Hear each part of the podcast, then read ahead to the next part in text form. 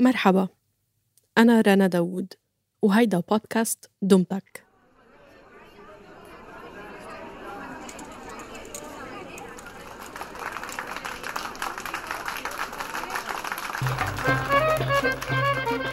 انتشرت صالات الغناء بمصر بالعشرينيات وكانت المسارح محتاجة شي ترفيهي بس غير عن الدراما والطرب وفقرات الرقص. آه المونولوج ده اولا جديد وهنجربه فيكم وأنتم مش غرب. فخلقت المونولوجات الساخرة.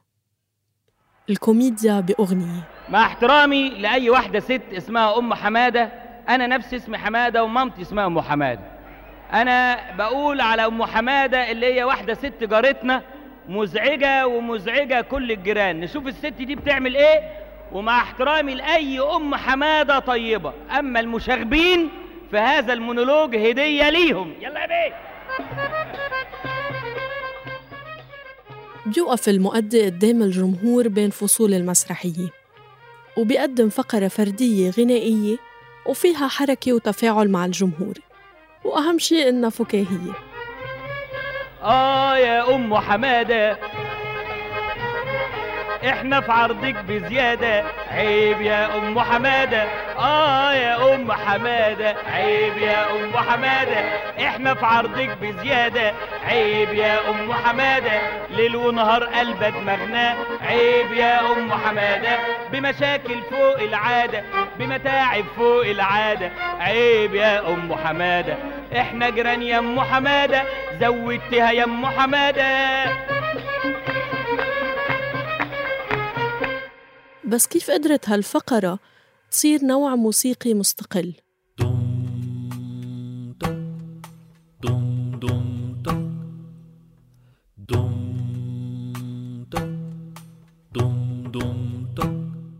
مرحبا فيكم بالحلقة التاسعة من الموسم الثاني لبودكاست دمتك أنا رنا داوود. بهالموسم استعرضنا أنواع موسيقى مثل المهرجانات والروك والراب وروينا لكم قصص عن وجودها بالوطن العربي وعن الفنانين اللي تبنوها من منطقتنا. وبهاي الحلقة ما قبل الأخيرة للموسم رح نحكي عن المونولوج. ليلي طال وليلولا آه ليلي طال وليلولا آه ليلولا وليلي طال قلبي ملو وقلبه لا قلبي ملو وقلبه لا ولا طيب ولا عيل ليلي طال ليلي طال ليلي طال وليلولا وليلولا بمنطقة الدرب الأحمر بالقاهرة كان في صبي خفيف دم اسمه محمود. كان دايما يقلد أصحابه وأهله ليضحكن. بيقولوا إنه أبوه لمحمود كان عنده ديك يتخبى وراه ويقلد صياحه. ومع الوقت وقرقعة الراس يعني. سموه أهل الحي سيكوكو وتحول اسمه لشكوكو. هاي القصة كيف صار اسمه شكوكو مشكوك فيها لأنه فعلا اسم عيلته كان شكوكو. بس يمكن محمود حب يعمل من الاسم سيرة أو نهفة مثل ما منقول بالدارج أو يمكن حدا أفتى هيك لأنه شخصية محمود لبيسي. المهم إنه هالصبي خفيف الدم قضى بعد 55 سنة على المسارح وبالسينما المصرية يأدي فن المونولوج كواحد من أهم رواده شوكوكو انولد بسنة 1912 بمصر وكان يشتغل بورشة النجارة اللي بيملكها أبوه بحي الكحكيين. وبجنب الورشة كان في مقهى شعبي وبالمقهى كانت تجتمع فرق موسيقية من شارع محمد علي. ليعملوا بروفات قبل الأفراح والمناسبات. تعرف عليهم شوكوكو وهو عمره 15 سنة وصار يلحقهم وين ما يروحوا. صار يتعلم منهم ومرة يغني أغنية بسيطة هون ومرة يقول نكتة هنيك لحتى صار مؤدي مونولوجات بالأفراح. تعالي لي يا بطة no no no I don't come come come تعالي لي يا بطة وأنا وأنا مالي. إيه. إيه؟ نار بعدك شطة وأنا وأنا مالي؟ إيه؟ إيه أنت عادي لي يا بطة نار بعدك شطة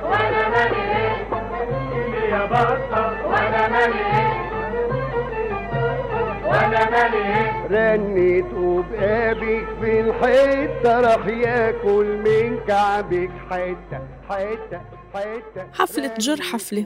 ومع الوقت قدر شكوكو يستأجر سينما كلبر بشارع فؤاد وسط القاهرة ويحولها لمسرح فرقة محمود شكوكو الاستعراضية.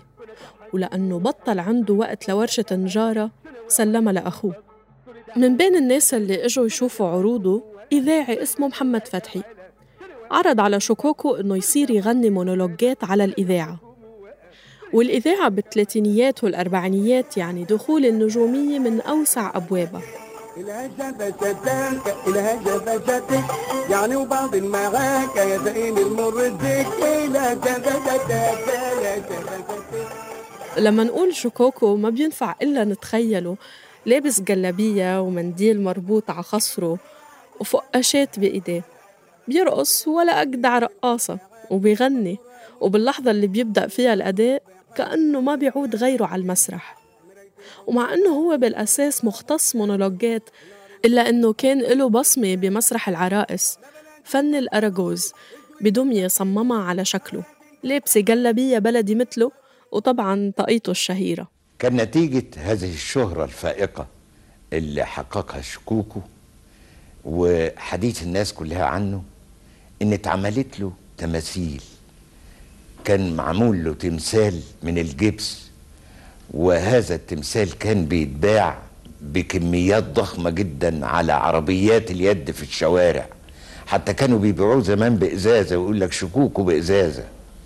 بل إن ال- الصناع حلاوة المولد اللي بيعملوا حلوى المولد آه، وضعوا تصميم لتمثال من الحلوى لشكوكو بقى زي ال- العروسة والحصان في مولد النبي وسائر الموالد الأخرى. وهذا أمر لم يتحقق لأي فنان من قبل ولا بعد شكوكو.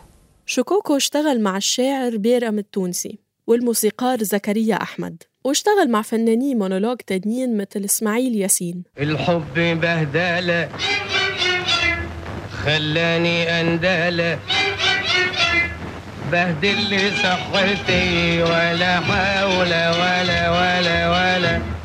الحب شنكلة ولا فيش جنتلة الحب شنكلة ولا فيش جنتلة لهلب لي موجتي خلاني بالبلا بلا بلا. الحب بهدلة خلاني أندلة. بهدل صحتي ولا حول ولا ولا ولا.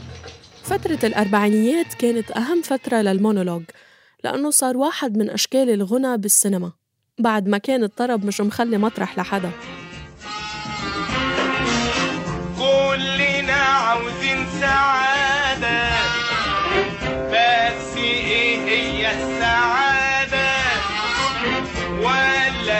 معنى السعادة قول لي يا صاحب السعادة قول لي قول لي. كان للمونولوج كمان دور سياسي ساخر. منشوف هالشي ب 20 مليون وزيادة لإسماعيل ياسين.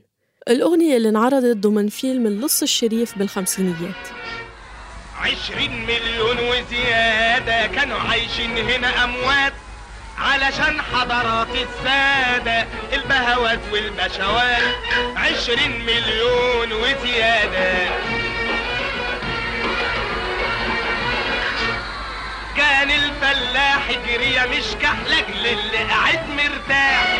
وابو كرش كبير عامل بنكير في أوروبا فشار سواح. من الفنانين اللي قدموا مونولوجات جريئة ثريا حلمي من محافظة المنيا بصعيد مصر. غنت على المسرح وهي طفلة وبلشت بأنه تقدم وصلات غنائية قصيرة بعروض إختها المطربة الشعبية ليلى حلمي وصارت نجمة سينما. وجنابه قابلني في السكة غزلني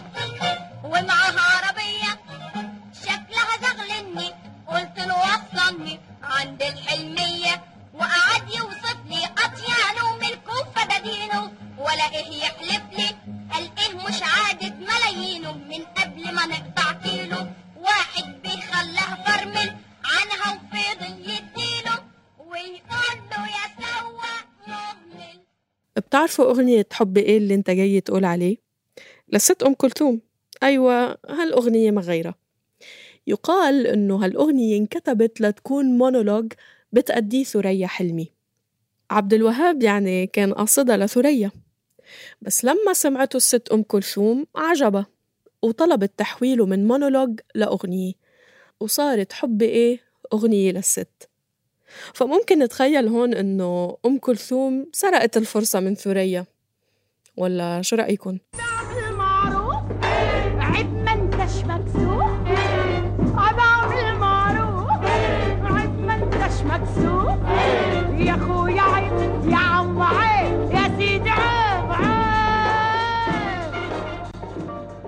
يعني تخيلوا ثريا حلمي عم بتغني بحب إيه؟ بدون شجن ولا حزن. وبتقول بكل صراحتها يا خيي حب إيه اللي أنت جاي تقول عليه شو؟ ليش يعني حضرتك عارف قبل معنى الحب إيه؟ أنت ما بينك وبين الحب دنيا يا زلمة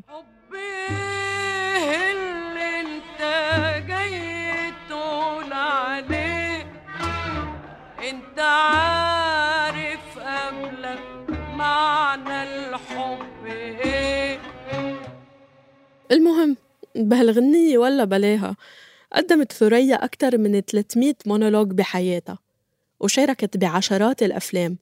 ولهلأ الإعلام المصري بيحتفل بعيد ميلادها كل سنة ليذكر الناس فيها. خلينا آه، النهارده نحتفل بذكرى فنانة تعتبر من آه، أكثر الفنانات تميزا آه، وبذكرى رحلها رحلت زي النهارده سنة 1994 الفنانة ثريا حلمي.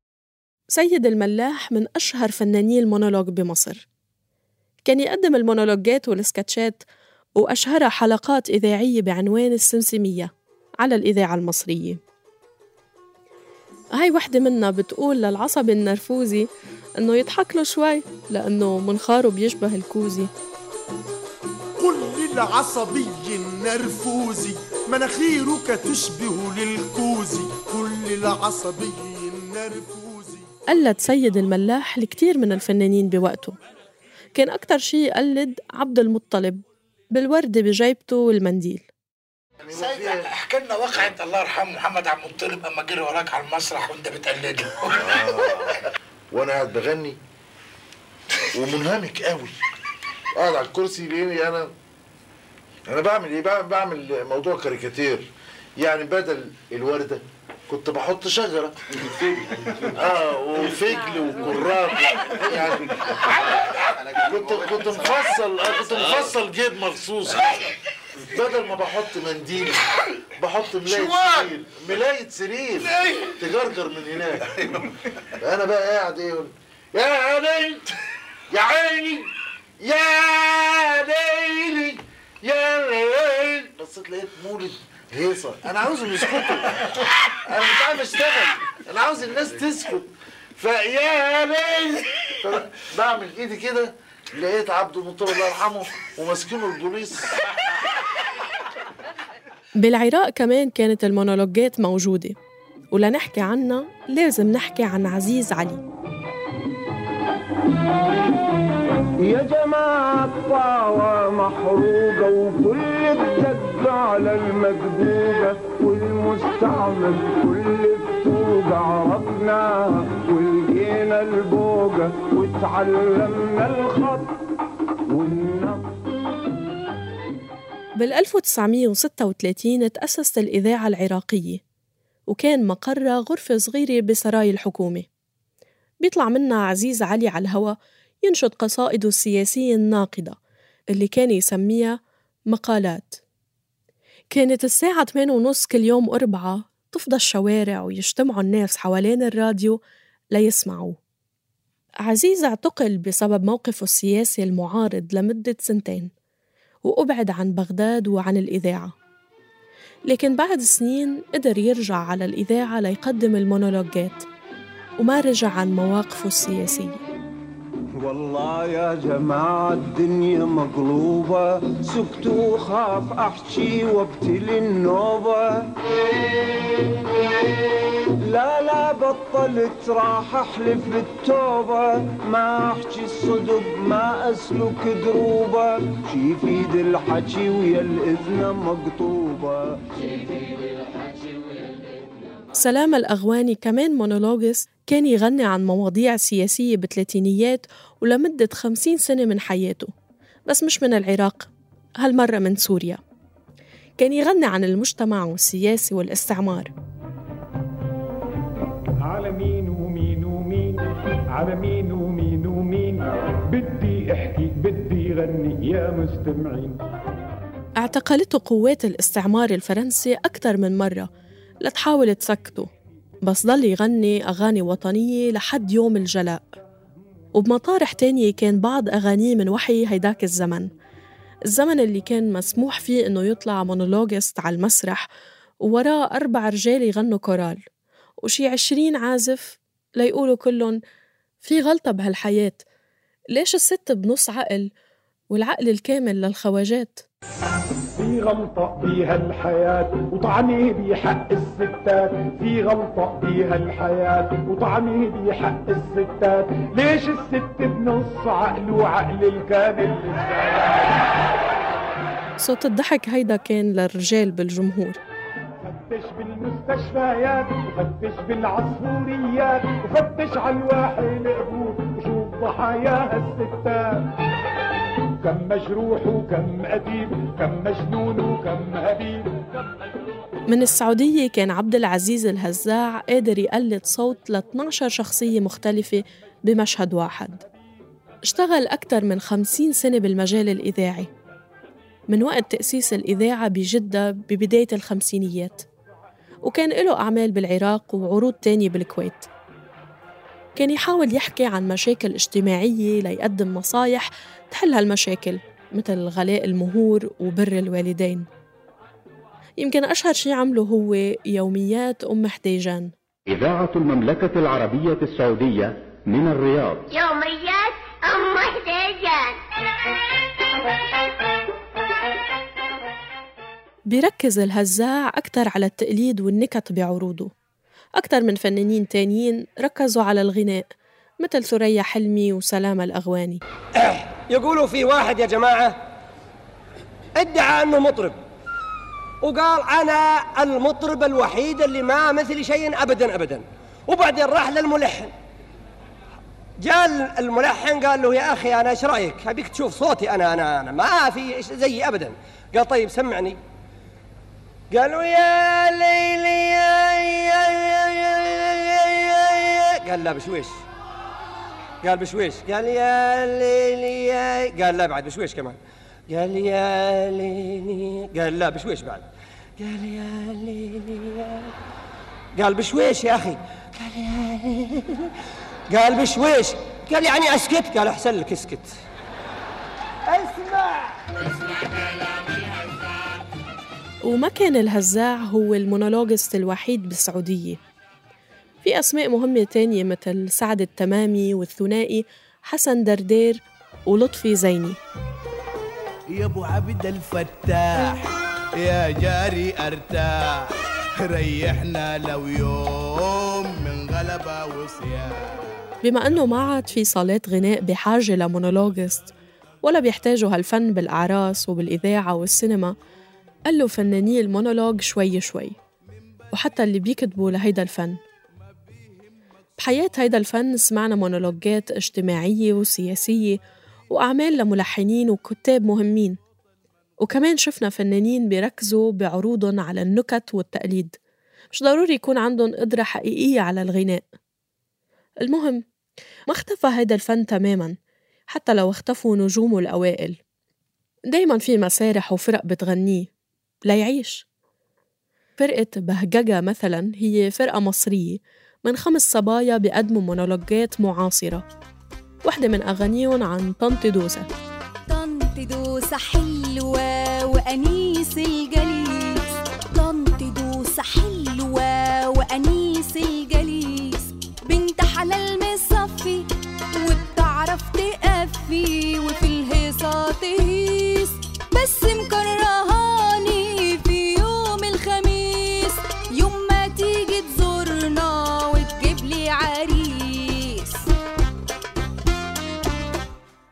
كل يوم خميس بتيجي تزورنا. تقعد وتستربع وبابتسامة صفرة كده على برتقاني بتقولي أسماء روح قلبي. مش هنشوفك عروسة. فرقة حبايبنا هي فرقة مصرية تانية مش مختصة بالمونولوجات بالتحديد بس بتعيد إحياء هيدا الفن مع أشكال غنائية قديمة تانية. وفي كمان مين شاف ألبوم نادر أبو الليف على أنه مونولوجات أصدر ألبوم سنة 2010 باسم أبو الليف من إنتاج ميلودي وكانت صورته على الغلاف بلبس رجل الكهف. أنا مش خرونج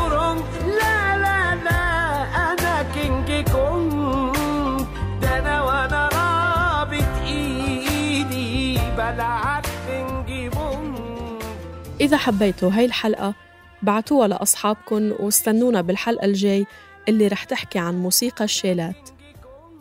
هالحلقة بحثا وكتابة للما رباح. تحرير وإنتاج صبرين طه.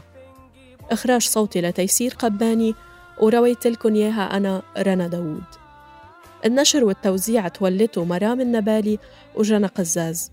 وشارك بإنتاج هالموسم فريق صوت.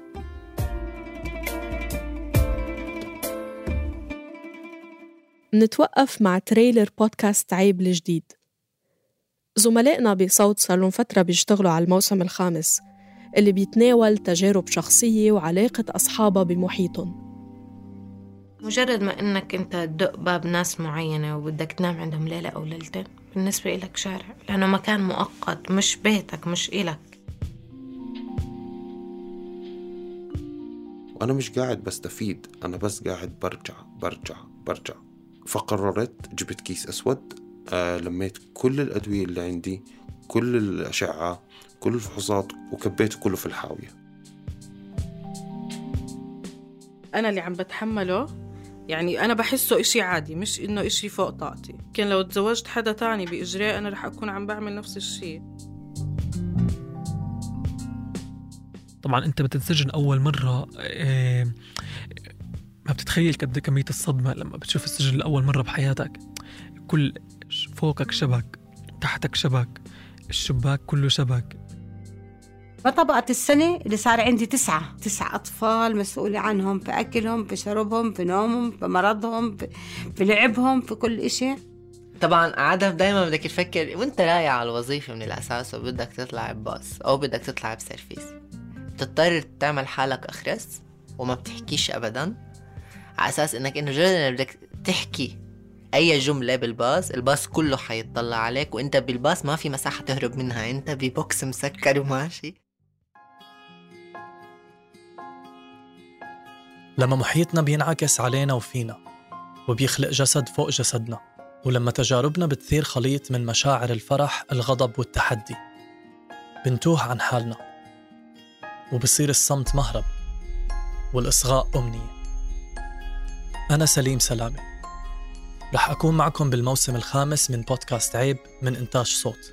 لأقدم لكم قصص تتمحور حول المحيط الذات والجسد. رح نصغي مع بعض لتجارب تطبع آثارها علينا.